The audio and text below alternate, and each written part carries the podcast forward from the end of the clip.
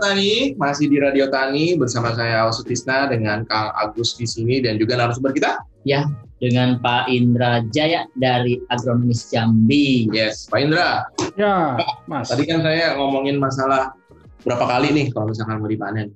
Ah, Itu uh, bisa nggak sih kalau misalkan setelah dipanen itu ditanamin lagi medianya ya? Terus penanganannya seperti apa sih kalau misalkan panen? Ya, kalau uh, biasanya sih kalau kita sudah panen itu ya biasanya uh, kalau sesuai pengalaman di sini ya. Hmm.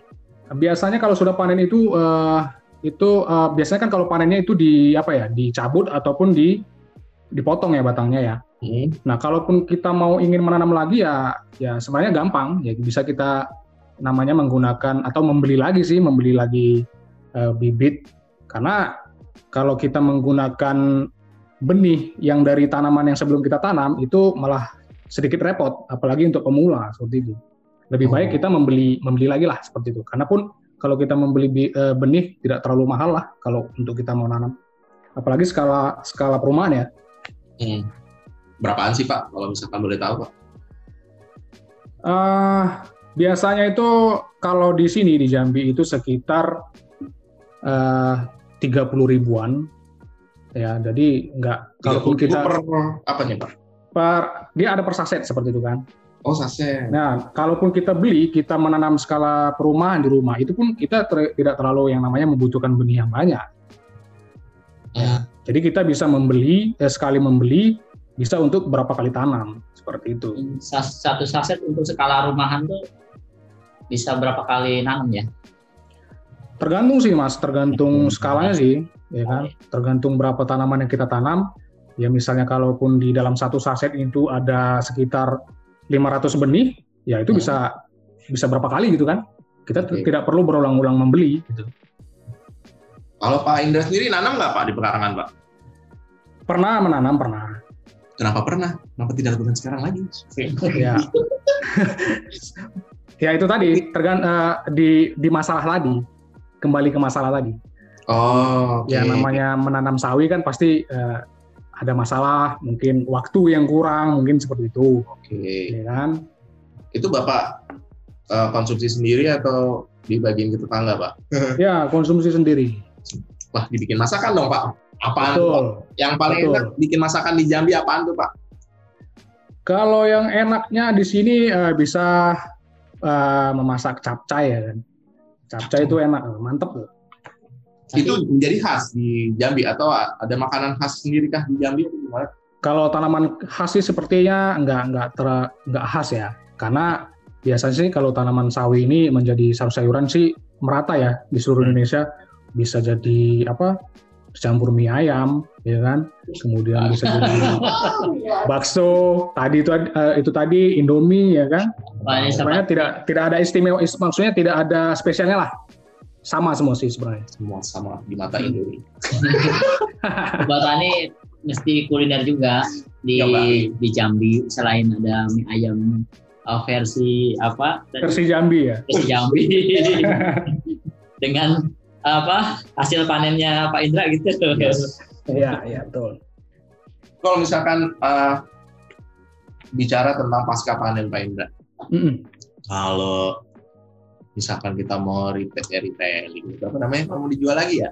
Iya. iya mau dijual Dijual lagi itu ribet nggak sih Pak? Terus eh, harus bagusnya apakah dibagi-bagiin ke tetangga atau gimana Pak? Ya sebenarnya sih tergantung kita lagi ya. Kalau kita yang namanya menanam tanaman sawi pasca panen, ya ada ada tiga kemungkinan sih. Ya, Hmm. bisa kita konsumsi sendi- konsumsi sendiri, Hmm. bisa kita jual. Ya kalau bisa kalau banyak kita panennya ya bisa kita bagi-bagi ya kan ke tetangga, ke mantan ya kan. Mantan mitra. Mitra Ya. panen. Mantan Ya. bagus. Iya. Tergantung kita sih mas.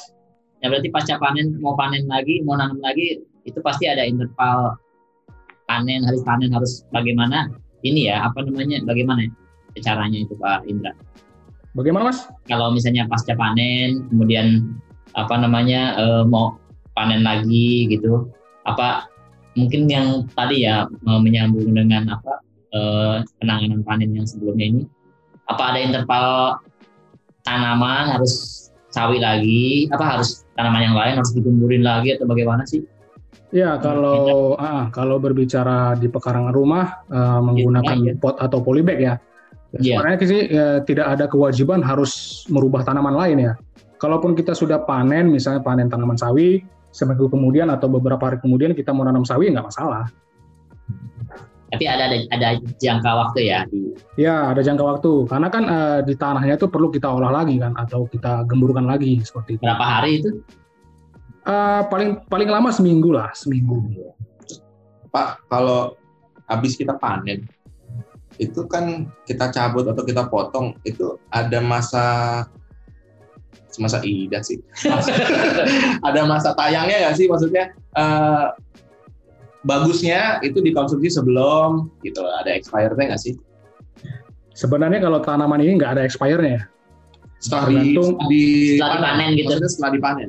Ya tergantung itu, tergantung mutu panen tadi mas. Oh. Ya, kalau kita di dalam perawatan tadi bagus perawatannya, pemupukannya bagus, otomatis eh, kar- eh, daya simpannya itu lebih lama seperti itu.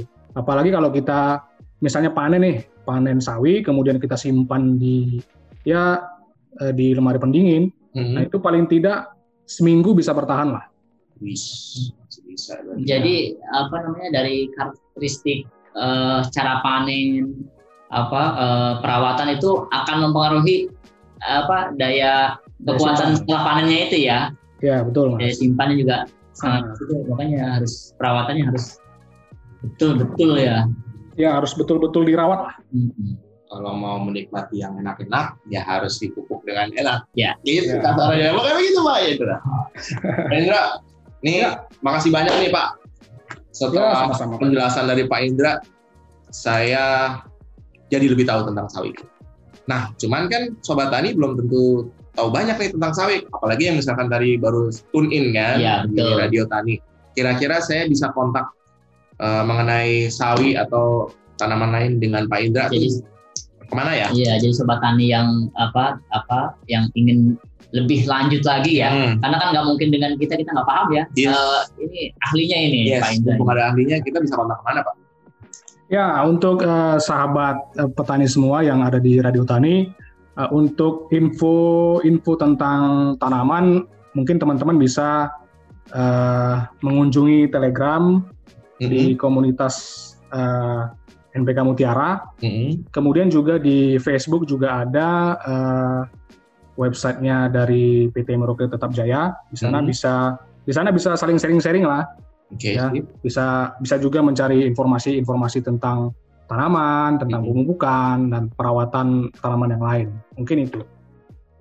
Kalau dari medsos ada nggak YouTube, kayak eh, Instagram, Facebook, ada nggak kira-kira?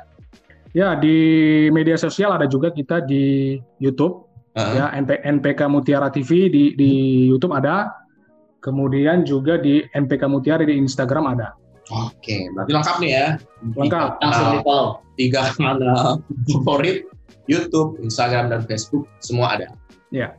Oke, Pak Indra, thank you so much untuk ngobrol-ngobrolnya kali ini. Ya sama-sama Pak. Uh, saya sama Kang Agus, mohon maaf nih kalau ada kelibet kata yang menyinggung Pak Indra.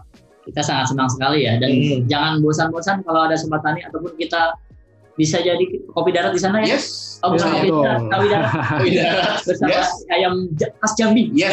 ya yang makasih Jambi ya. Saya tunggu beritanya. Sekali Oke. lagi, terima kasih banyak. Ya. Uh, Sobat Tani, sampai di sini perbincangan kita. Sampai ketemu di lain kesempatan. Assalamualaikum warahmatullahi wabarakatuh.